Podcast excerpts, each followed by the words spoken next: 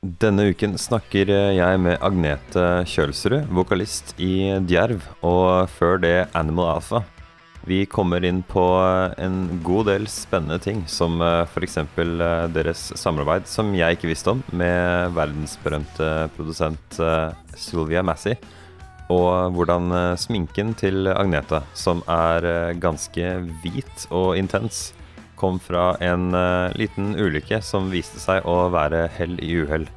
Videre skal det selvsagt dreie seg om uh, Djervs nye singler, og uh, ikke minst om den lange pausen de tok, og hvordan egentlig det skjedde.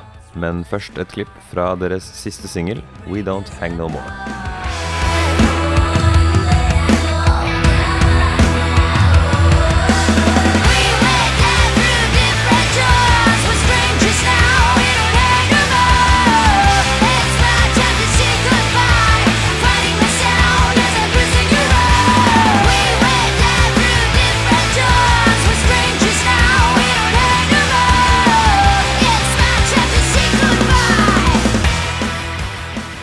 Da jeg starta innspilling her, eh, rett før vi begynte her, så drev Agnete og fortalte om uh, Back in the Day med Animal Alpha, og at de ble inkludert i et bilspill som heter uh, Burnout Revenge, og at det var, det var, flere som trodde dere var amerikanske?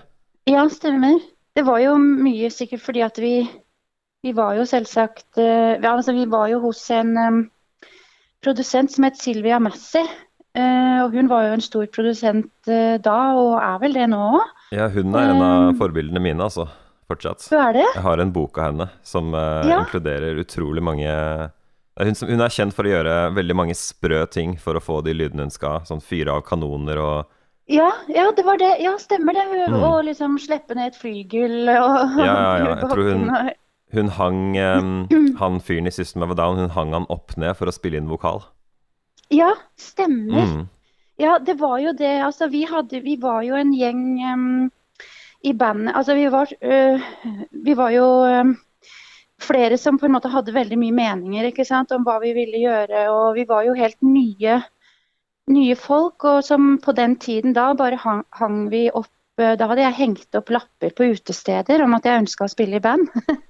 Wow. Så da var det faktisk uh, han ene gitaristen som fant den lappen eh, med meg, da. Det var sånn vi blei kjent eh, og starta band og sånt. Um, men vi var jo veldig opptatt av at uh, vi ville ikke gå på en måte gradene med dette bandet sånn som vi hadde gjort tidligere. Vi hadde jo spilt i band før. Så vi ville ha vår første konsert på et større utested, og da blei det John D. Uh, og vi ja. ville jobbe med de beste folka, og da blei det Sylvia Massey. Så hvordan får man tak i Sylvia Massey som en, uh, som en nordmann uh, med et lite, lite nytt band? uh, nei, det som skjedde var at vi spilte på Bylarm i Stavanger. Kan det ha vært 2003 Nei, 2004 var det. eller 2005. Jeg husker ikke helt. Men vi sto og spilte, og så fikk vi bare Det var en Han gitaristen, han hadde liksom sett ut uh, ulike steder han ville at vi skulle bli produsert. Da. Uh, og så var det en hånd som strakk seg frem med et visittkort. Der han kjenner igjen logoen, da. og da står Sylvia Massi i publikum. Så, eh, og sjekker oss ut. Og hun har lyst til å jobbe med oss. Og da, jeg tenker det var i starten av unnskyld, 2005, og så dro vi da i, eh, i ma, mars. Mars-april 2005, bare måneden etter. Og var der i sju uker, seks-sju uker og spilte inn plate, første plata. da.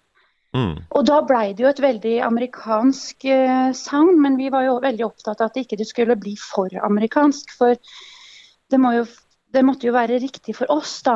Mm. Uh, og, um, og, så er vi jo et, et, et uh, bor vi jo i et land der man ikke skal tro at man er noen. Så man må jo liksom dempe ned Dempe seg sjøl litt ned, da. Um, så vi måtte jo gå noen runder, men det, jo, det, det lå jo mye på um, ja, gitarsound og sånn, men også vokal. altså Vokalen ligger jo mye høyere oftere i uh, pop- og rockeverden i USA enn kanskje Norge, da. Mm. Um, men det var jo veldig velprodusert. Hun er jo sinnssykt flink. Og vi var jo flere i bandet som hadde veldig store hva skal jeg si, visjoner eller Ja, vi ville, vi, ville, vi ville gjøre det bra med en gang, da. eller gjøre oss bra med en gang. Ja. Jeg har, mm. jeg har sett en del uh, Som sagt, hun er en av uh, heltene mine i uh, lydverden. Og ja. jeg vet ikke om du kjenner til Det er en kjent produsent om sånne teknikker som heter Dave Pensado. Jeg, jeg, tror jeg har hørt navnet, kanskje. Han har jobba med henne. han ja. har et av de største showene på YouTube hvor de intervjuer produsenter og artister og teknikere. Men han, han fortalte fordi det, Sylvia Massey blir hele tiden spurt om hun har liksom blitt undertrykt som kvinne. Fordi hun startet ja. for lenge siden, da ting var mye verre enn de er nå. Og det er jo ja. fortsatt problemer nå som kvinne som tekniker. Ja. Så hun, hun, bare sier at nei, jeg har egentlig ikke opplevd så veldig mye av det. Og hun har liksom, stiller seg litt sånn forvirra. Men Dave Pensado sier at uh, grunnen til at hun aldri ble liksom ja, undervurdert, er at uh, hver gang hun var i et rom, så hadde hun alltid den beste ideen og den beste avgjørelsen. Og det var bare soleklart for alle at de kunne ikke se ned på henne, for hun var åpenbart best. Ja, ikke sant? jeg bare syns det var liksom artig at hun er Hun bare Nei, jeg har ikke blitt så veldig undertrykt, og jeg vet ikke helt uh, hva jeg annet jeg skal si enn det. Og Dave Pensado sier nei, det var fordi hun var dødsgod. Så det var liksom ikke ja. åpent for det. ja, hun var det. Hun, var, hun, eller hun er. Hun er veldig god. Mm. Det er jo mange år siden nå. Jeg faktisk så kontakta eh, gamle trommisen Eller trommisen spilte inn i det spilte inn den skiva. Han eh, kontakta meg nå og hadde lagd noen filmer fra da vi spilte inn i Weed da, i California. Oh, ja. Fordi at det nå er faktisk 15 år siden vi slapp den skiva. Om bare et par uker. Så det er litt komisk at vi snakker om det her nå. Men da så jo jeg noe av hun, det hun har um, eh, Altså, det var jo en reise tilbake i tiden da, for meg. Og mm, jeg husker han eh, Thomas, som han heter, han skulle, fikk med seg et kamera fra det som da het Lydverket. Det var en sånn eh, eh TV-serie, eller ja, programserie på NRK som tok for seg musikk og sånt. da, Og da skulle vi ha med oss kameraer og filme oppholdet, da. Og da så jeg det at eh, hun ville veldig gjerne ha meg i rollen, altså i eh, karakter. Så jeg, så jeg uh, var sminka opp i studio uh, ofte. sånn at jeg kom i karakter, da. Å oh, ja. Ok. Ja. For filmens skyld, da? Nei, for, for at jeg skulle være den best mulige i, i mikrofonen. Ja, ja. Mm, det sånn at jeg ja, sånn at jeg på en måte var, eh, var den karakteren, da. Uh, mm. Turte å gi, gi alt. ja, altså, jeg har lagt merke til at du er en uh, spesifikk sånn uh, Du er på en måte en uttenkt karakter, da. Du er, du er ikke en tilfeldighet på scenen eller på pressebilder eller på, på noen ting. Nei, det har du nok rett i. Jeg ville egentlig litt sånn over til uh, Djerv og det som, er, uh, det, det, som er nytt nå. Jeg bare ble litt sånn opphengt i bare wow. Dere, jeg, jeg, var faktisk ikke klar over at dere hadde jobba med henne, med, med Sylvia. Å nei, du var ikke det, nei? Nei, nei ikke sant? Nei, så morsomt. Nei, det var jo, det var jo så kult. Hun Vi var jo det her eh, Jeg må jo fortelle deg det, for siden du er så fan av hun. Så vi, det, var jo, det var jo en liten by i California som hun hadde kjøpt. Hun hadde jo kjøpt um, teatret i den byen. Så hun hadde jo det største paradiset der. Hvor hun hadde folk til å jobbe. Og, men det var en liten sånn Twin Peaks-by, da, så det var jo veldig rart uh, å være der. Hvor uh, det var masse folk på puben i starten av måneden, men etter hvert så var det ingen der. det var, altså, det var en, uh, en spøkelsesby. Men hun hadde jo veldig mye historie i, i, i bygget sitt og i instrumentene sine, da med folk hun hadde jobba med Tom Petty og um, ja, Prince altså, og var, Hva? Prince har hun også jobba med. Ja, hun har jobba med, med, sinnssykt mange. Så Tool og liksom Altså, ja. ja. Så det var jo stort for oss å kunne se de her tingene og liksom ta på de instrumentene og spille på de trommene og, og sånne ting, da. Men også er hun også en uh, veldig inspirasjon da, og en inspirerende dame. Og jeg husker da vi var i studio sammen, så var det liksom Det var nesten litt magisk, egentlig. Fordi at hun, hun hadde veldig Vi hadde stor tillit til hverandre til at vi skulle få til noe. Og, at, at vi, og, og, vi hadde det veldig gøy eh, når vi holdt på. Vi lo masse. Og eh, ja, det var, det var kjempegøy. Det, det, ligger så i minnet på meg nå, for jeg så litt filmer av det i går, ja, ja, faktisk. jeg føler ofte at det, det, er det som er det lille, lille ekstra som skiller en uh, utmerket produsent fra en uh, god en. Det er når de, du, du, har den magiske kjemien der. Ja, ja, ja, absolutt. Og ikke bare har forslagene. Ja, helt mm. klart. Nei, så Du, du snakka jo om eh, liksom, utseendet mitt og sånt. Så var det jo Det starta jo egentlig altså fra, fra uh, Animal Alpha til Jerv har det jo bare på en måte vært en videreføring. da. Men jeg tok jo hovedfag, som det da het, altså master i, i uh, klesdesign på Kunsthøgskolen. Sånn at jeg har um, uh, da en oppgave som heter Rokokko rocker. Og da lagde jeg klær inspirert av rokokkotiden. Og okay. det var jo fordi at jeg var veldig glad i 1700-tallet, da. Veldig fascinert av den tiden. Her merker jeg at jeg kan eh, Ja, kunnskapen min kommer mildt sagt til kort her. ja, men det, da kan jeg si det at det, det var um, Hva skal jeg si Det var adelen som styrte, og um, det var fjonge kjoler og mye sminke, mye hår det var, et, eh, det var, et, eh, det var ikke helt sunt. Det, det var ikke helt sunt, det, livet. men, eh, før. Men fra, ja, men fra utsiden så kunne det være litt Så er det veldig fascinerende, da. Sminken de brukte var jo veldig Det var jo farlige greier som gjorde at tennene råtnet. ikke sant? De sminka seg hvite i ansiktet.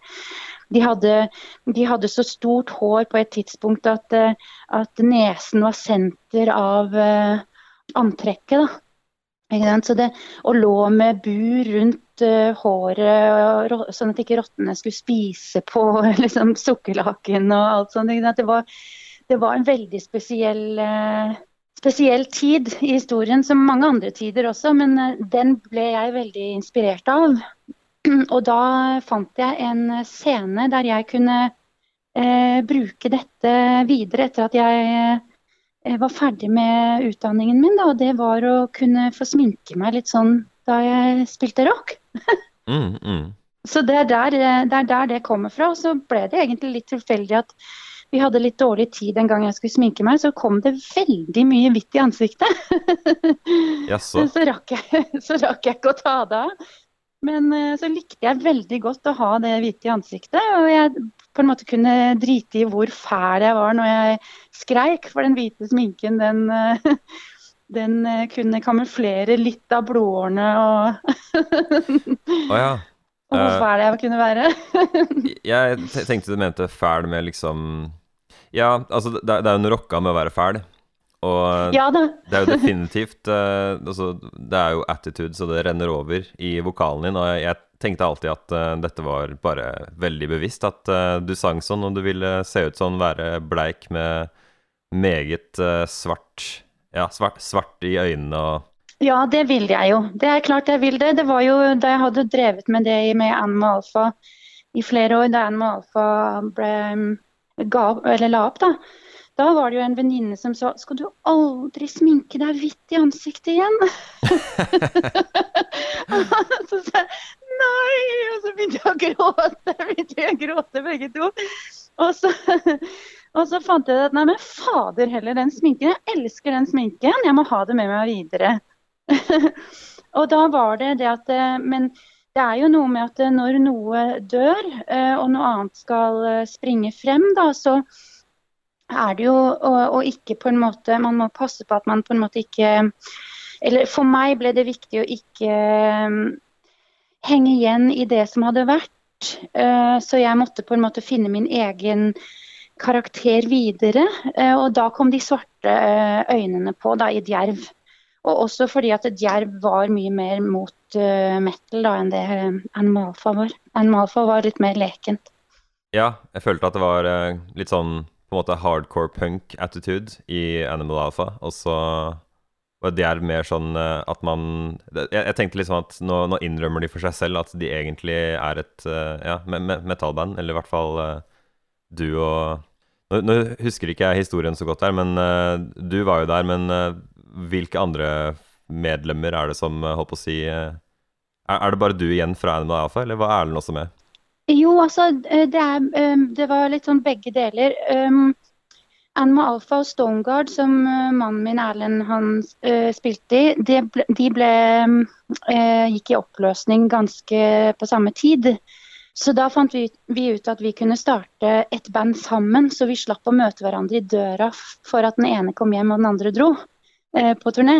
Um, så, så, vi starta det, og så fikk vi med oss eh, en gitarist som het Stian Kårstad, som hadde spilt i Trelldom og ja, litt ulike metal-band.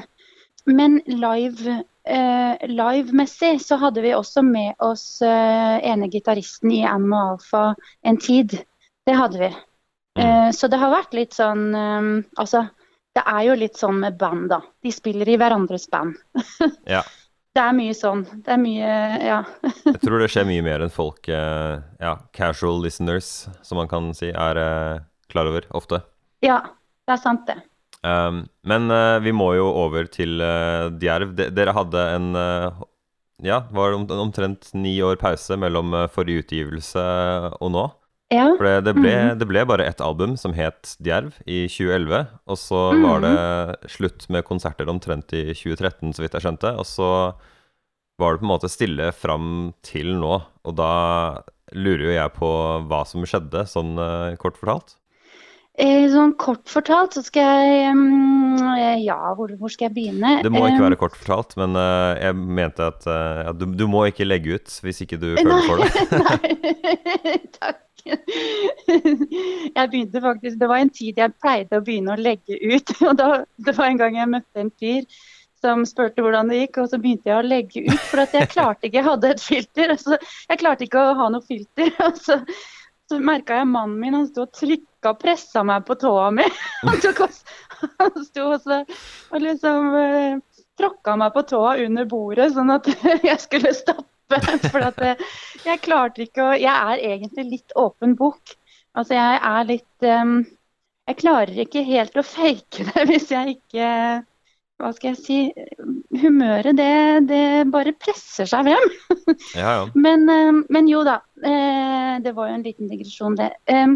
For meg så var det jo veldig Det var jo veldig sårt at Animal Alpha ble eh, oppløst. Og det skjedde jo i etapper. ikke sant? En slutta, så, eller To slutta ganske samtidig. og så var, skulle, var det to av oss som skulle fortsette. Men, men vi fikk ikke det til. Og egentlig var det jo sånn at ingen av oss hadde det så greit.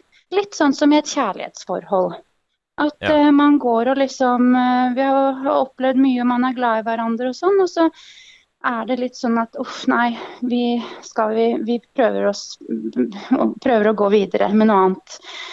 Det er Jeg vet ikke helt hva det kan sammenlignes med videre. Å miste jobben sin eller eller eh, ja, kjærlighet. For man, man, man, ser jo disse menneskene hele tiden og er på telefon med dem hver dag. Og det, man jobber mot et, et, mål sammen. Så for meg var det egentlig litt sånn at jeg måtte bare komme meg opp på hesten igjen for å um, overleve det, da. Og da uh, starta jeg Djerv. Og blei ble veldig sår av å se at noen andre kanskje hadde fått seg et eller annet teit coverband eller spilte med noen duster nede i gata, liksom. Det var litt sånn for meg, da. Mm. Eh, det, var, det er sånn man kan bli. Kan, man kan bli litt smålig når man blir, eh, er sår og lei seg, da. Og da ble det sånn at jeg tenkte at nei, men jeg skal gå all in, i hvert fall for det som eh, jeg starter nå. Da starta vi med Djerv, og så var det jo var vi veldig Altså alle var veldig dedikert i, i Djerv. Og vi var veldig på lik linje. Vi ville de samme tingene. Og det var veldig lite diskusjoner, egentlig. Fordi at vi kunne stole på hverandre i Vi visste hvilke kamper vi skulle på en måte ta, da. Eh, så det føltes veldig, veldig greit å være egentlig tre kontra å ha vært fem i band tidligere. Men så det jo, er det jo mange ting som skjer underveis, og vi holdt jo på eh, Altså, vi vi spilte og turnerte hele tiden. Og det var liksom den skiva som gikk og gikk og gikk og gikk, så det ble liksom aldri tid til å lage noe annet. Så skulle vi avslutte med en turné som var en måned i Europa med, der vi varma opp for et uh, amerikansk band. Og da vi kom hjem fra den turneen, da var vi egentlig veldig slitne hele gjengen. Da skulle vi egentlig begynne å lage plate og sånt noe, men da hadde vi egentlig hatt med oss litt feil folk på tur. Fine folk, men eh, i kombinasjon med hverandre ble det litt mye tull. Så eh, vi fikk det ikke helt til å funke da vi kom tilbake. Og um, da gikk vi fra å være tre eh, låtskrivere i bandet, da, eller tre, eh, tre stykk som drev bandet, til å bli to. Og da var det jo meg og mannen min, da. Og, og, da var det en venninne som sa til meg at nå er det din tur, så hadde hun kjøpt et sånt gullegg. og så satt det foran meg. Nå er det din tur, nå skal du, nå skal du ha familie. Ok, ja. Um, og det fordi da var det Da var musikk uh, Musikken var på en måte um, Noen andre hadde sagt til meg at nå blir det pause. Sånn at da um, Jeg har nok litt sånn flink, flink pike-syndrom uh, i at jeg ville ikke ødelegge for noen andre heller ved å eh, skulle få familie. Jeg visste at det ville bety at man ikke kan være til stede som bandmedlem på samme måte. da. Men denne gangen her så ble det egentlig sånn at um, det var en sjanse jeg på en måte kunne gripe. Og så gjorde jeg det. Det, det å få barn? Det å få barn, ja. Ja, ja. Og da, da var vi veldig heldige og fikk to barn. Men oppi det så har det nok vært veldig mange ting som har gjort livet litt vanskelig for meg, som har gjort at jeg har trengt lang tid på å komme tilbake. Og det går nesten ikke an å sies på en kort, kort må måte. Forstående for noen, men veldig uforstående for andre. Men jeg, jeg, kom i en alvorlig depresjon som har tatt veldig mange år å komme ut av. Og jeg er ikke, jeg er ikke ute av den ennå. Um, men jeg har det mye bedre enn det jeg hadde for uh, si år siden. Da. Så i fjor så begynte vi å spille litt med Animal, nei, med Animal Alpha, så jeg med Djerv, men vi tok også inn noen låter fra Animal Alpha. For jeg kjente at jeg ville kombinere det litt. Uh, og det føles veldig riktig og veldig kult. Mm, mm. Jeg skjønner at uh, ja, en, uh, en, depresjon er jo ikke ukomplisert. så jeg skjønner at det fins kanskje ingen kort måte å oppsummere det på. Men da vet man uh, iallfall hva som uh, Ja, i hvert fall deler av hva som skjedde, da. Barn også er jo ikke ukom ukomplisert. Nei, det er ikke det. ikke sant? Det er kjempestor overgang fra å på en måte gjøre akkurat det man vil, til å ta vare på to altså to maneter, nesten. ikke sant? Altså, de er jo Det er ingen muskler og så sårbare. Og jeg blei veldig redd for alt. Jeg blei veldig redd for døden og var redd for å ta livet av det. ikke sant? Og Eh, jeg ble jo redd for alt. Um, men en depresjon, det jeg kan si som, som, kort fortalt, er at det er en tilstand. da. Man kommer inn i en tilstand. Eh, det er ikke en følelse. Så jeg gikk i en tilstand der jeg følte at jeg var i en begravelse. Der jeg eh, følte at jeg til slutt var bare til bry og ingenting verdt. Det var egentlig sånn sånn det gikk. da. Man går rundt med mørke briller på en måte og ser verden veldig dårlig uh, mot seg selv. Da. Altså at uh, Ikke sånn 'Å, stakkars meg', eller ikke sånn, men det er litt sånn åh, Verden er kanskje bedre uten meg, liksom. Jeg er kanskje overflødig. Kanskje jeg er helt talentløs. Ja, det er jeg faktisk. Jeg klarer ikke å skru på TV-en engang. Det er litt sånn. Jeg skjønner at uh, det, er jo, det er jo ingen smal sak. Uh komme seg ut av noe sånt. Og det er en aktiv innsats. Og eh, ja, med en gang innsatsen forsvinner, så går det jo fort nedover igjen, da. Ja, det, det gjør det. Nå har jeg fått veldig mye hjelp, da. Jeg fikk, eh, jeg fikk hjelp eh, etter det andre barnet kom. Jeg fikk jo to barn på 20, 20 måneders mellomrom. da, altså det var veldig tett. Så ingen av de kunne snakke. ikke sant? Så, så, det var veldig De hadde ulike behov, og det var veldig tøft. Men, eh, men jeg hadde jo også på den turneen som vi hadde vært på med Djerv, så, så kom jeg hjem og fikk en sånn um, en tarminfeksjon, kalte de det, som varte i en fire ukers tid. Og Der jeg ble helt satt ut og som en slags Det er litt sånn som man kan få kanskje en reaksjon etter en eksamen, at man har lest mye til en eksamen, eller en sånn nedtur etter en opptur, da. Men øh, da ble jeg veldig sjuk, øh, og det viser seg at da fikk jeg cøliaki, en sånn gluten, glutenallergi. Så jeg gikk i mange år øh, og spiste feil. Så kroppen min tok ikke til seg næring på mange år, og jeg fødte og amma to barn. Og, så, så, jeg var liksom Jeg trodde jeg hadde ME på et tidspunkt også, da. Så det var, um, det var mange ting som skjedde. Så jeg, jeg har rett og slett uh, vært veldig psykisk syk. Og jeg har forstått at jeg har nok vært et ganske engstelig og redd barn også. og disse tingene har innhentet meg nå etter at jeg har blitt mor og ja, litt sånne ting, da. Hvis jeg kan spørre, hva, hva var det som gjorde at uh, det endelig ble tid for å eh, begynne på igjen med Djerv? Det må ha vært at um, selvtilliten har kommet litt og litt, og at andre har hatt troen på meg. Og at jeg har blitt friskere, da. Jeg hadde en, um, et lite venneskifte da jeg uh, Altså en vending i, i det her da da jeg forsto at jeg gravde meg ned som sånn, De kaller det muldvarpmetoden. At man uans, altså, i hverdagen, uansett hva man klarer, så klarer man på en måte ikke å se det. Men alle de tingene man ikke klarer, bare, da bare gjør man at man graver seg enda mer ned. Og jeg følte at jeg klarte ingenting. Jeg var helt talentløs og alt det der. ikke sant? Og da var min grunntanke at jeg var bare til bry og ingenting verdt. Og da jeg forsto at det var min grunntanke, at jeg tenkte det uten å vite det, for det er det man gjør, mm. så tenkte jeg det er faen meg ikke greit. og det er jo ikke greit å tenke sånn eller si noe sånt om noen. Nei, det, er det, det, er det som er med depresjon, at man blir så slem med seg selv som man aldri ville vært med noen andre. Ja, det, det føler jeg er en sånn uh, Har jo opplevd det i livet selv. Og en ting som har vært, ja, en, det har vært den samme oppdagelsen for meg at bare nå merker jeg at jeg tenker ting Jeg holder meg selv til en helt annen standard enn jeg ville våget å holde et annet menneske til. Ja. Og det var på en måte begynnelsen på å komme seg på beina igjen, da. Ja. Skjønne at eh, wow, dette her er jo ikke realistisk for noen, og i hvert fall ikke meg. Nei.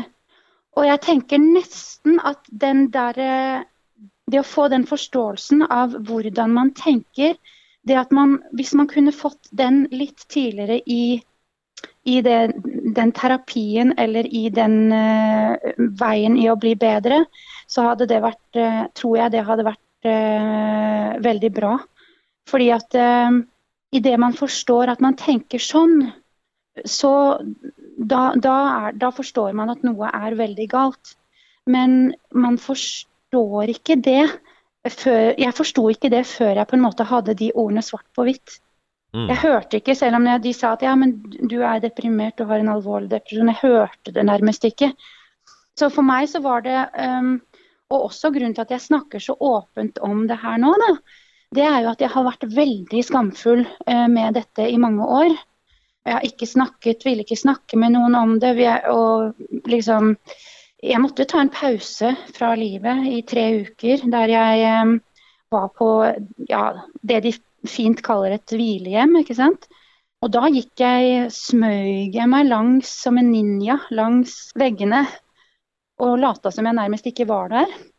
Eller eh, så hadde jeg en tanke om at de tror at jeg jobber her. det, var det, det, var det, jeg på en måte eh, hadde i hodet mitt. da. Enten at jeg var veldig skamfull, eller så tenkte, så tenkte jeg at uh, de, de, tenker nok at jeg jobber her. Fordi jeg er jo ikke som de. jeg er jo ikke som de andre her. ikke sant? Så det er veldig mye det er mye man skal ha sagt om de her tingene. Og her har jeg, har jeg bestemt meg for at man må finne en, en mening i lidelsen. Da. Og min mening er å måtte på en måte fortelle andre om at uh, som har det vondt eller som, som sliter, om at de ikke er alene. Og at det kan skje Jeg tror det kan skje alle faktisk. Jeg tror det ligger noe i det å um, Fordi du, du, sier at du på en måte Det går inn det ene øret ut det andre når du får høre at du har en alvorlig depresjon. Og jeg tror det kan ha litt med at Jeg tror ikke mennesker har et veldig godt begrep om hva det er, før vi på en måte har lært veldig, veldig mye om det, kanskje litt sånn tett på kroppen.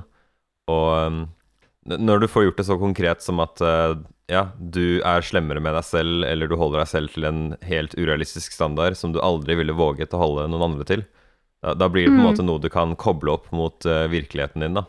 Så jeg, jeg, er helt enig i at jeg, jeg, jeg tenker nok selv at det hadde vært veldig nyttig for mange å vite. Ja, ikke sant. Jeg tenker også det, og så tenker jeg det er viktig at folk vet at det er ikke en følelse. Det er liksom sånn uh, Ja, det er ikke bare er noe ikke, du går og føler her, og det er ikke nei, som en vanlig følelse, liksom. Det er, uh, det er jo en kjemisk er, ubalanse etter hvert. Nettopp. Det er ikke føleri. Det er ikke sånn 'Å nei, jeg føler meg litt deprimert i dag'. Altså, det er ikke det er, det, er ikke, det er, ikke, der det ligger, da. Det er, eh, det er, jo for det første noe man på en måte bør få en fagkyndig til å se på før man kaller seg deprimert. Ehm, det er, det er mange som skulle vært opplyst om det her, her tenker jeg. Altså mm. Bare for å på en måte ja, forstå hva det, hva det, går i. fordi selv, selv, hadde jeg heller ingen, forstå, altså jeg hadde ingen forståelse av det her. Jeg har alltid vært et menneske med veldig mye følelser.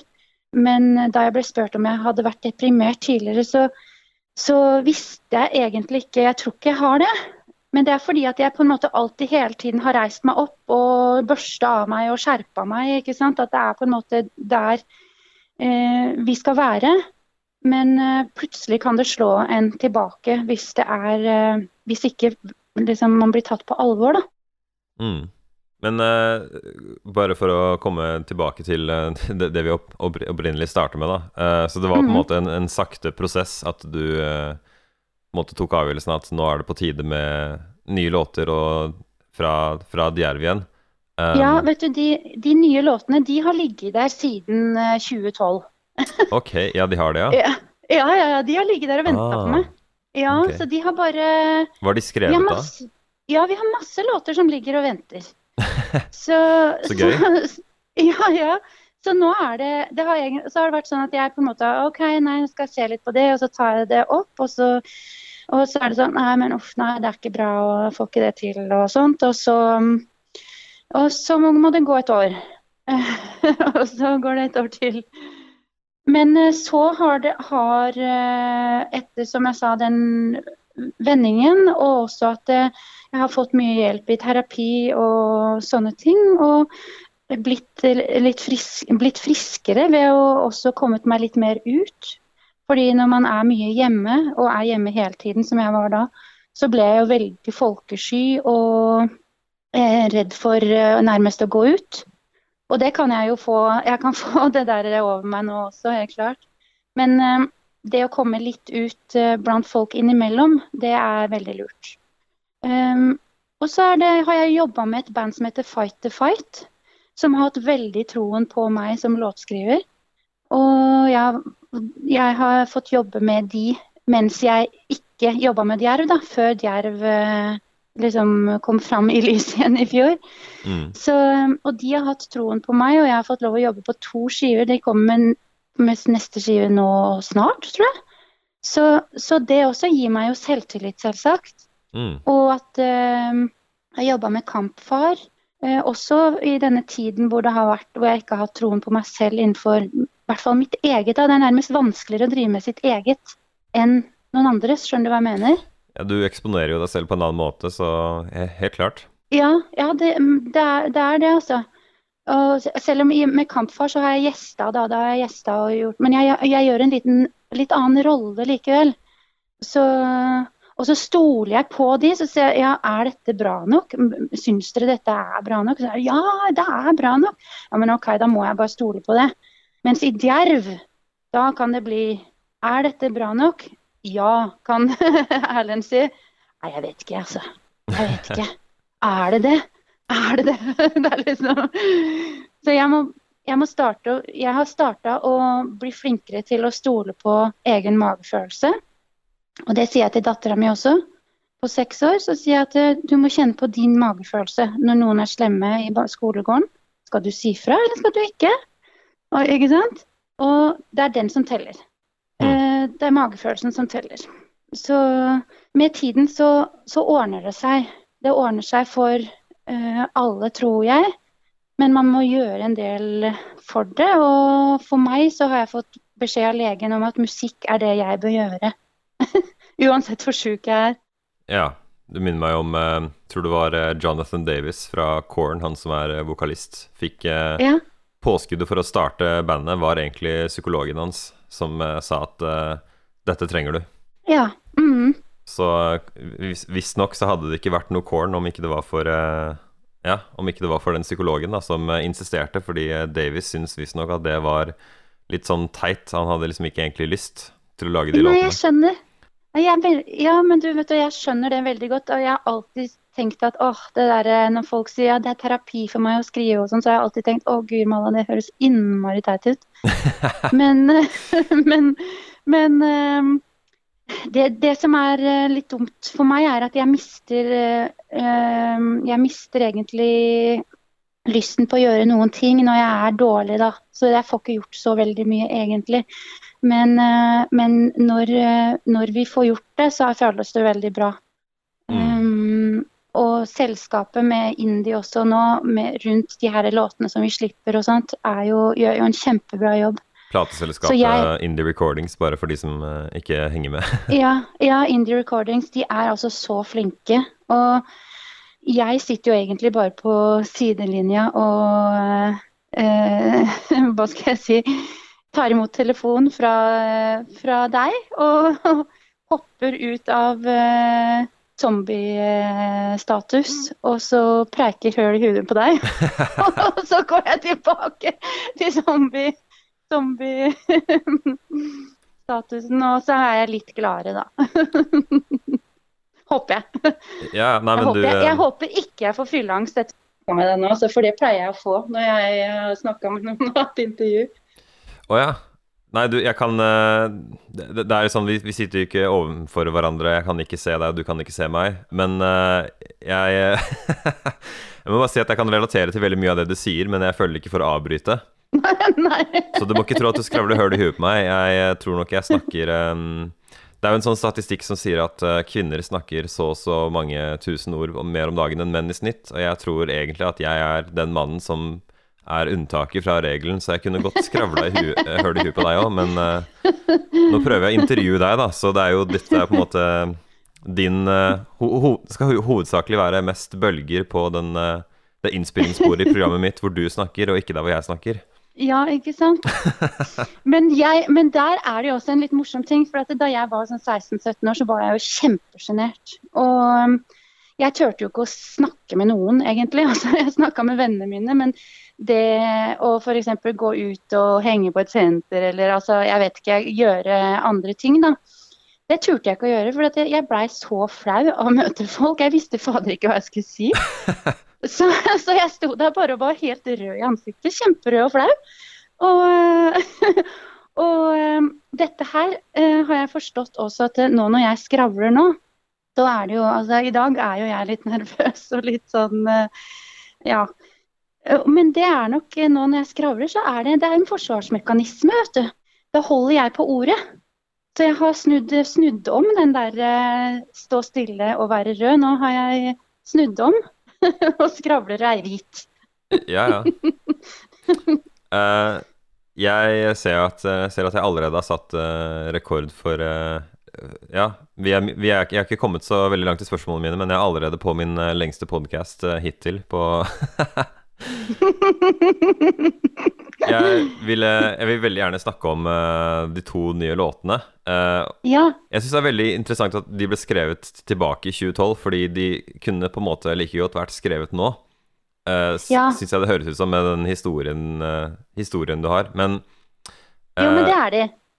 Te teksten er det. teksten er ny. Teksten er det, ja. Okay. Så, så det, ok. er kompet, det er kompet, eller hva skal jeg si, eh, kompskissene. Det er klart at eh, det er bare skisser, så de jo, men de er jobba ut, da. Ok, så jeg syns jo for det første, som lydtekniker, uh, så syns jeg på en måte at uh, jeg, jeg, jeg, hører lyden som litt mer naken og litt mer punchy enn den var tilbake da. Ja. Sånn mer av lydbildet var på en måte litt sånn vrengt. Stemmen din hadde sånn vreng på seg som var på en måte lagt til i ettertid. Mm. Uh, og her er det på en måte mer Stemmen din høres ut som den kanskje ville gjort mer i virkeligheten, da.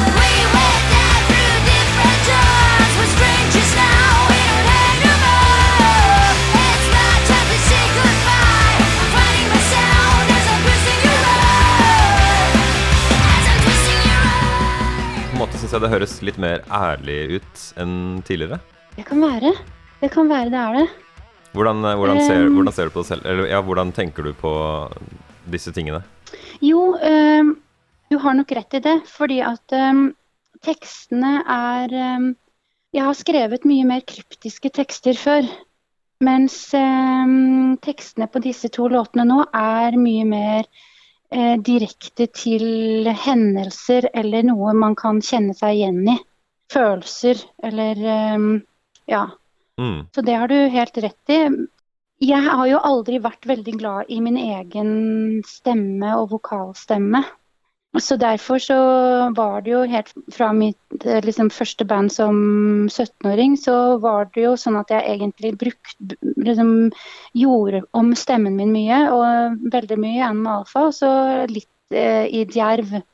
Men denne gangen så har vi, som du sier, latt det skinne mer at det er en Hva skal jeg si, da?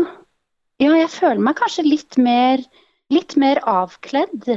Fordi at det er ikke så mye gitarer og mye andre ting som tar ø, oppmerksomheten i bakgrunnen.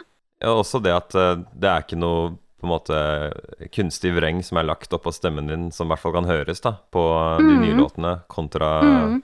hele det forrige albumet omtrent. Mm, det er sant, det.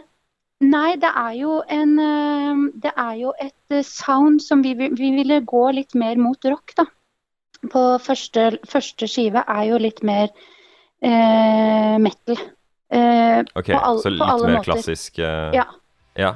Så Det, det er et, spesielt et sånt eh, langt sånn rop. Jeg husker ikke hvilken av de to nye singlene som kom i 2020 eh, den er på, men det er et sånn langt, sånn, sånn høy note du synger, som jeg bare fikk meg til å tenke Denne her ville hun på en måte skreket mer før, og den er på en måte mer sånn ropt litt sånn kanskje rett fra hjertet, og ingen sånn gitarvreng på den eller noen ting. Sånn, eh, jeg veit ikke om du helt vet hvilken eh, låt jeg prater om? det er nok Throne, det er den første.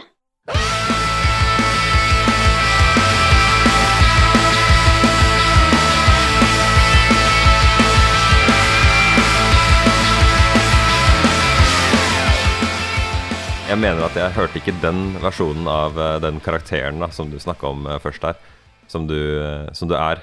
Den hørte jeg ikke i eh, den skiva dere har fra 2011, da. Nei, nei, men det er fint, det. Det er kjempefint. Ja. Fordi at det, det er jo Altså, det, jeg syns det ville vært veldig rart hvis jeg skulle ha lagd en uh, blåkopi av det jeg gjorde i 2011. Ti år etter. ja, ja, selvfølgelig. Eh, jeg har blitt eh, eldre, jeg har blitt eh, mor. Jeg har em, utviklet meg på sinnssykt mange måter, spesielt innen det å forstå at vi mennesker kan bære på veldig mange forskjellige ting som gjør at vi mennesker skal være veldig forsiktige med å dømme hverandre. Så alle disse her Mm. tingene her, det er med på å spille inn på, på, på ny musikk. Det er klart. Absolutt.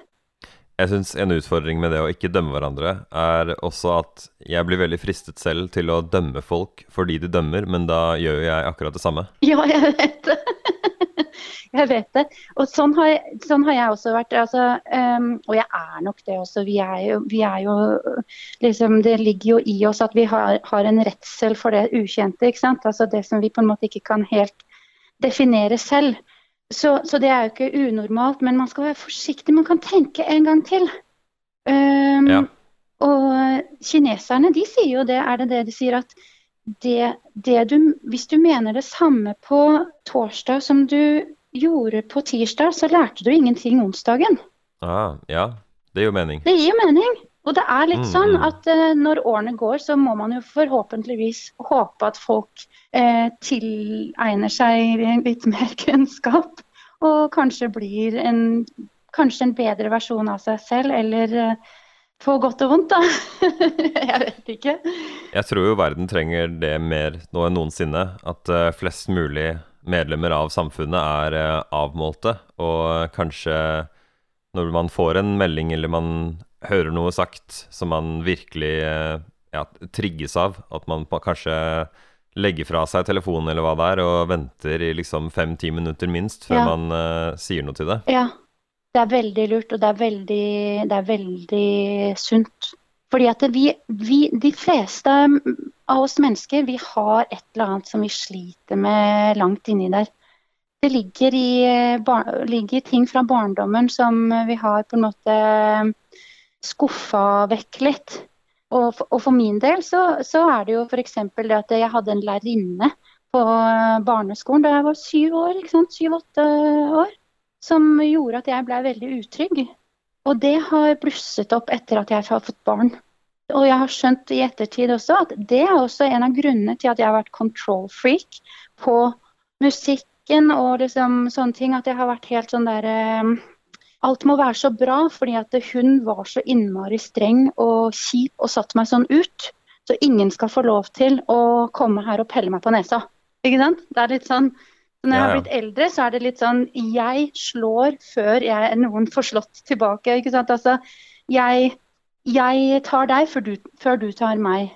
Eh, det var ja, ja absolutt. Ikke sant? Og Vinn eller forsvinn. ja, det er litt sånn. Men det er der man med årene ehm, og kunnskap ikke sant, skjønner at eh, det, det ligger dypere enn bare det at man eh, misliker noe ved en person eller holdningene deres eller sånne ting. Det, er, det, det ligger mye dypere enn det. Så det er der vi må lære av hverandre, rett og slett. Ja. Mm. Jeg føler det ikke er helt urelatert det du sier til eh, teksten i Throne, som handler om å ta tilbake kontroll, Mm. eh, så vidt jeg kan forstå. Mm.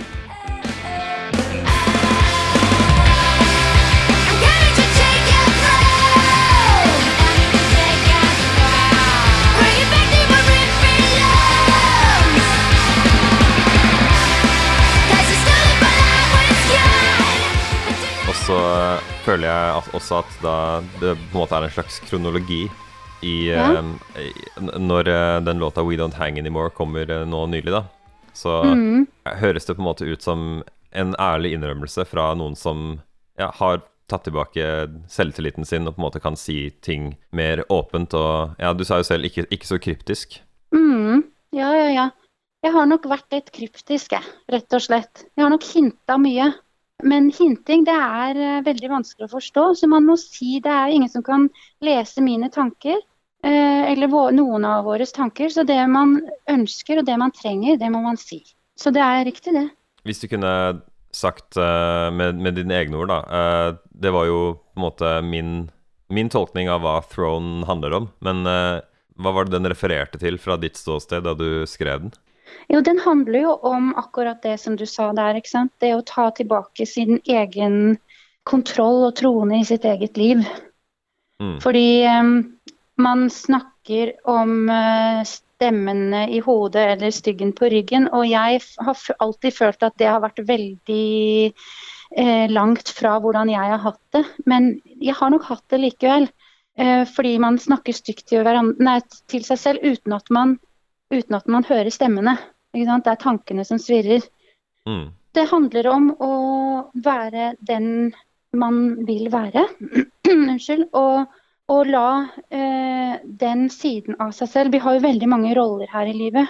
Vi kan jo ha en Vi kan jo utføre en rolle på jobb, eller være en eh, karakter på jobb, eller eh, som forelder, eller som barn eller søsken, ikke sant. Så det handler om å være den man vil være, og ikke la seg overstyre av eh, for mye tankevirksomhet, egentlig. Jeg tror eh, ja, interne trusler er kanskje nesten litt verre enn eksterne når, eh, når det kommer til stykket, da. Ja, det kan du si. Samtidig så er det jo det der med de eksterne, det er jo det at ting skal bare sies én gang før det kan svirre i hodet eh, flere ganger eh, mer, da. Ja, sånn, ja. Men jeg tenker også at det blir internt til slutt, da. Fordi man, Ja, det det man evner eller evner ikke, avhengig av eh, på en måte hvilke områder av eh, seg selv man har modnet mye på, da. For jeg merker jo Helt selv at eh, det er visse ting folk kan si til meg som høres helt eh, forferdelig stygge ut, men som jeg ikke tar meg nær av i det hele tatt. Og så er det andre ting som kanskje høres mildere ut, men som går på noe litt annet, hvor jeg ikke er så moden og trygg på meg selv, og da kjenner jeg at det går mer inn på meg. Så Ja, ja, det er jo eksternt, men så blir det jo internt på, på en måte også. Ja, det er sant, det, altså. Det er, noen, det er noen ting som er triggere, rett og slett. Det som er med be begge de her låtene, Erlend, han trommisen i eh, Djerv, som også da er um, min mann, ikke sant? han er jo han er rett og slett en veldig flink uh, musiker. Eh, og han er også med og skriver eh, tekstene, og mange ganger så er det sånn at jeg føler at det, hvis jeg har skrevet noe, så kan han tolke det og bare vende om på et par ord, og så blir det enda bedre enn det som jeg hadde håpa på. da. Så um, Det er det som er magien av et band, det. At man har eh, Det er det. Det Mm. er det. Det er sant, altså. Mens før så var jeg litt mer hårsår på at andre skulle bry seg med mine tekster, altså. Da får de heller uh, Hvilket instrument spiller du, liksom? Ja, ja. Du har hatt den uh, samme reisen som uh, Hvis du så Bohemian Rhapsody på kino, da, så ser du jo Freddie Mercury som tror at Queen er bare han, og så ser du at han mister seg selv uten bandet, og så blir det jo straks mye Ah. bedre enn når de begynner å på en måte skrive låter sammen, og han tar mer feedback fra dem, da. Ikke sant? Mm. To hjerner er bedre enn én. Jeg tror det er eh, mye derfor eh, ja, band funker. Spesielt store band som varer lenge. De Mm. føler jeg alltid på en måte kan overraske meg. Sånn som Mm. eh, Ja, nå vet jeg ikke, jeg kommer ikke på noe her og nå, men um, jeg, jeg ville Jo, også Ja, beklager, vi har litt latency her, men ja. Jo, men det er sant, det, er sant, det altså. altså um, jeg, jeg lar meg egentlig ikke imponere så veldig med uh, artister som skal på en måte um, fremme at de gjør alt sjøl. For meg blir det litt sånn varsel, eh, varsellampe som går av, egentlig. Jeg tenker det er en Mer- tapt mulighet. Ja, jeg, jeg jeg tenker det. det også. Jeg tenker det også. Det er klart at man skal, man skal eh, stole på, stole på uh, sin egen em, eh, kompetanse innenfor de ulike feltene, da. Men, men man skal også stole på at de som har De man har eh, rundt seg, er der for en grunn. Og at man, eh, man har liksom ikke gått skolen i alle de feltene. Selv om jeg må også, siden det var Det, det må jeg bare si, men altså jeg husker da ved første, ved første skive vi gjorde med Djerv, så var vi jo i LA og miksa den her hos eh, en eh, kjempefin produsent og mikser som heter Matt Hyde. Han har jobba med svære, bra band. Men han lagde en uh, trommelyd som Erlend ikke ville helt ha på Djerv. Uh, eller skrudde til noen greier. Og, så, og da hus husker jeg altså ja, det har bare, det, det har bare funka for Slayer, men ikke for Djerv. og da, da, kjente jeg sånn, da, kjente jeg at jeg ble litt flau. Men Erlend han følte ikke at det var riktig for han. Det var, eh, det var ikke riktig for Djerv å ha det. Så, så man vet jo også hva som er best for seg og sitt lydbilde. Men man skal være meg åpen for, eh, for å tro at man ikke vet best. Ja, det er en hår, hårfin balanse med det med eh, sånn å, å ligge på en måte i det gylne snitt mellom janteloven og å ha rikelig med sunn selvtillit. det er sant, altså. Mm. Veldig. Eh, hvis vi går videre på den uh, låta som heter We Don't Hang Anymore, eller ja, Yeah, We don't hang no more. jeg har skrevet feil her i notatene mine, men ja. Det syns jeg var en så kul låt å høre med det soundet deres, fordi yeah. det er en så hverdagslig ting å si. Um, yeah. en hverdagslig frase og tanke veldig. som uh, ikke ofte høres på den måten i en sånn klassisk hard form for rock som dere er inni nå, da.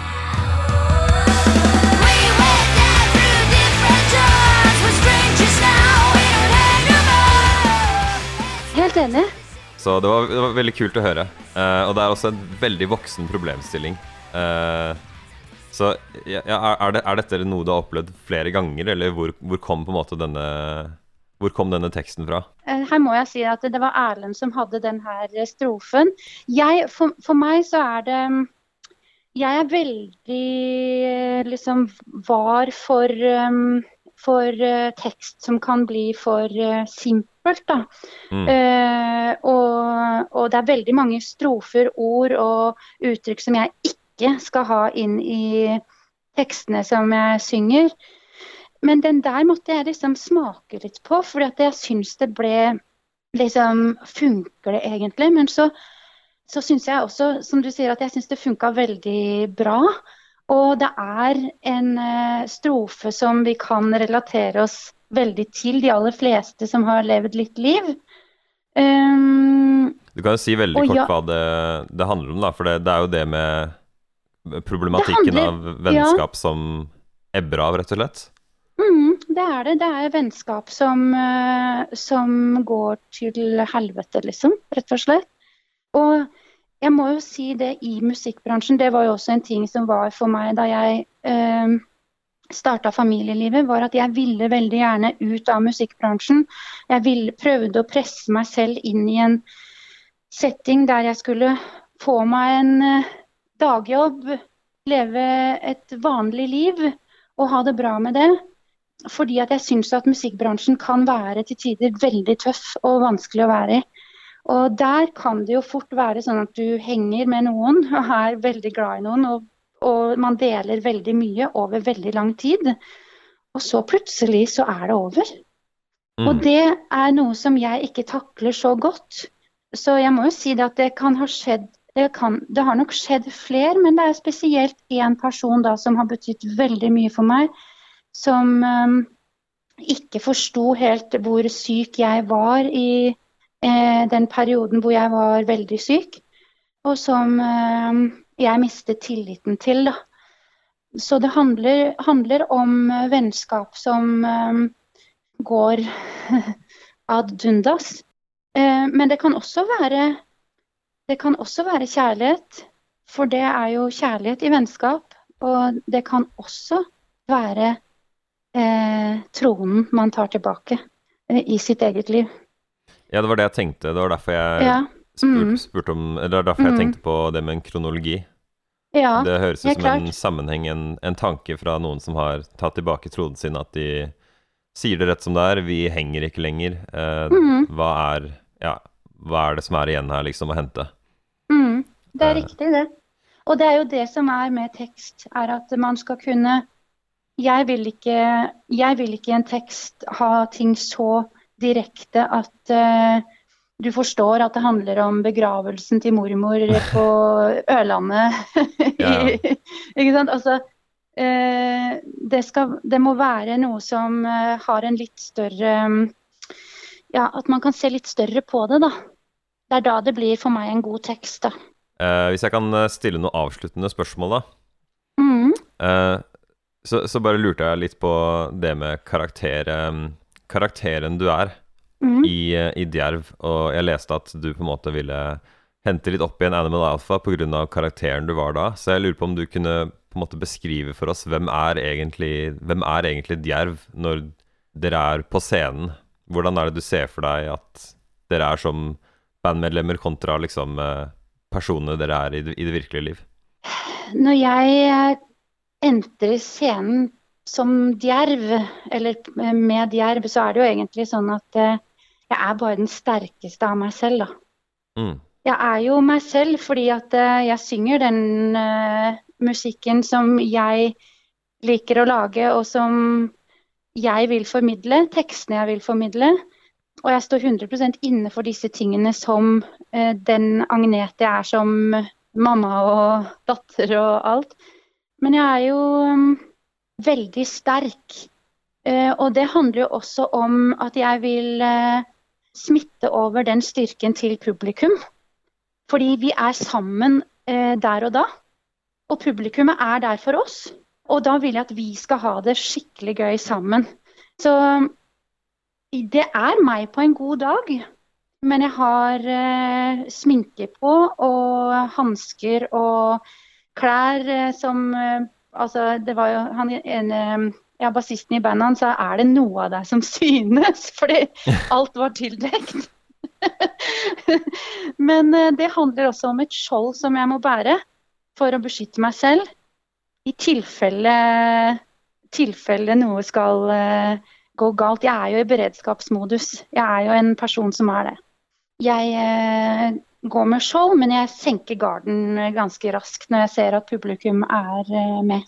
Det høres eh, Ja, det er noe jeg har sagt før, men eh, Beyoncé har en har også en karakter, og hun har, har et navn på den, og hun sier at det er liksom bare den tøffeste mulige versjonen av henne. Ja, hun har sagt det, ja. Mm. Så herlig. Så hun, Det er herlig. hun kaller det for Hun sier at på scenen så er jeg Sasha Fierce. Ja, ja, ikke sant. Ja, men det er jo noe med det. Altså, jeg må jo si det sjøl òg når um, Noen ganger når man tar seg en øl, så kan man jo plutselig bli litt uh, rappkjefta. Og jeg merker det noen ganger at Jeg merker det noen ganger at hvis jeg tar meg en øl, så kan jeg eh, bli litt uh, Hva skal jeg si? Litt mer kontroversiell. Mm. ja. På en god måte, da. Er Mm. ikke det greit, da? Det høres veldig norsk ut av deg. ja. Mm. Eh, Til slutt så bare tenker jeg Ja, jeg ville spørre om hva som skjer fremover. Du sa jo at dere har uh, flere låter uh, på lur som dere allerede har uh, Som opprinnelig var litt Ja, som var fra tilbake i 2012, men har de ny tekst nå, eller eh, hva er det som skjer der? De, der er det jo sånn at jeg lager jo veldig mye melodi med barneengelsk før det blir ord. Sånn at Mm. jeg lager eh, Jeg synger inn en melodi, og så former jeg munnen med, med ting som jeg på en måte syns eh, gir en god flow, da. Eh, og så leter jeg etter ordene og følelsen i det, og så bygger jeg rundt tek teksten rundt det, da. Eh, og jeg har ikke begynt å bygge tekst ennå. Men det ligger masse låter som venter på oss, og det er liksom for, for vår del så må det tas litt i etapper. Jeg kan ikke ha kniven på strupen eh, sånn som jeg hadde før. Jeg, da kunne jeg bare fortsette og fortsette. Men eh, jeg må ta ting eh, Jeg må ta ting litt etter litt, rett og slett. Men, men vi, hold, vi holder nå i hvert fall på, og det er derfor vi også har gått for å slippe singler istedenfor å komme med en plate. Fordi at eh, det er noe med å liksom starte et sted da man veit ikke hvor lenge man, eh, man holder det gående. Men den, den her eh, sykdommen som jeg også har eh, Den er jo ganske lunefull. Så, så jeg vet ikke Jeg har ikke mer erfaring med det, selv om jeg har hatt den i flere år nå. Så vet jeg ikke om den plutselig kan innhente meg og sette meg ut for nye fem-seks år. ikke sant? Jeg, jeg, jeg vet ikke dette. Så derfor så er det noe med å gjøre litt etter litt. Jeg kan jo ikke si annet enn at jeg håper på det beste, som eh, Ja, jeg har jo hørt på Hørt stemmen din siden, eh, siden Animal Alpha, så jeg håper jo på at det går så bra som det kan, da, med, Ja, det er veldig hyggelig. Det er Mm. veldig hyggelig å høre, altså. Men du, har du spilt League of Legends også? Eh, vet du hva? Nei, det har jeg ikke. Nei, du har ikke det, nei? Jeg, er, jeg, har ikke, jeg har bare tid til å være nerd på liksom såpass mange arenaer av livet, og jeg har liksom valgt et annet spill, altså, dessverre. Ja. ja, nei, nei, nei. Jeg, jeg har ikke spilt noen av spillene. Men eh, ja, hvordan det? Har dere er, er det noe musikk med deg i der? Ja, der er jeg, der er jeg faktisk med mm, på en karakter som de, som de lagde på League of Legends. Eh, Jinx heter hun, eh, ja. Jenta. Har, har du stemmen hennes? Jeg ste- har stemmen hennes eh, på sangen, ja. Mm. Ah, ja, Ikke, okay. ikke på spillet, men jeg synger den sangen. Så, Ja, ja, så, det, så de, eh, de kontakta meg De hadde sett Animal Alpha spille i Texas på South by Southwest, det er en sånn bransjefestival. Mm. Og så fem år etter så kontakter de meg. Da har han eh, på Riot Games, en fyr der, han hadde skrevet en låt som, han lurte, som, som var lagd for at jeg skulle synge den. Da. Og det var hun Jinx. Ja, ok, så gøy. Jeg, jeg må Ja. nesten bare ta oss og høre den etterpå, jeg. Var ikke, var ikke klar over det. Du har liksom hatt eh, mange jern i ilden. ja. Mm. Men det er ingen som vet det, da, at jeg synger den låta. Er det ikke det? Nei, det er ingen som vet det. Ja, altså Du mener altså det, er på en måte ikke en, det er ikke en hemmelighet, men det er på en måte ikke så veldig offentlig kjent, er det du mener? Ja, det er det jeg mener. Ja, ok, ja. Mm. Ok, for jeg trodde, trodde et lite øyeblikk her at du innrømte noe liksom som ingen som ikke har sagt. Nei da, men jeg, jeg har jo sagt det her og der. Men jeg, ja, man, man het bygda litt på, som mamma sier. Altså, man må jo bare Man må bare si det til uh, hvermannsen. Nei, jeg gjør ikke det. Jeg gjør ikke det. Nei, det er bare du og jeg som vet det. Vi gjør denne podkasten hver uke. Det er eh, bare å abonnere hvis du vil. Du finner oss f.eks.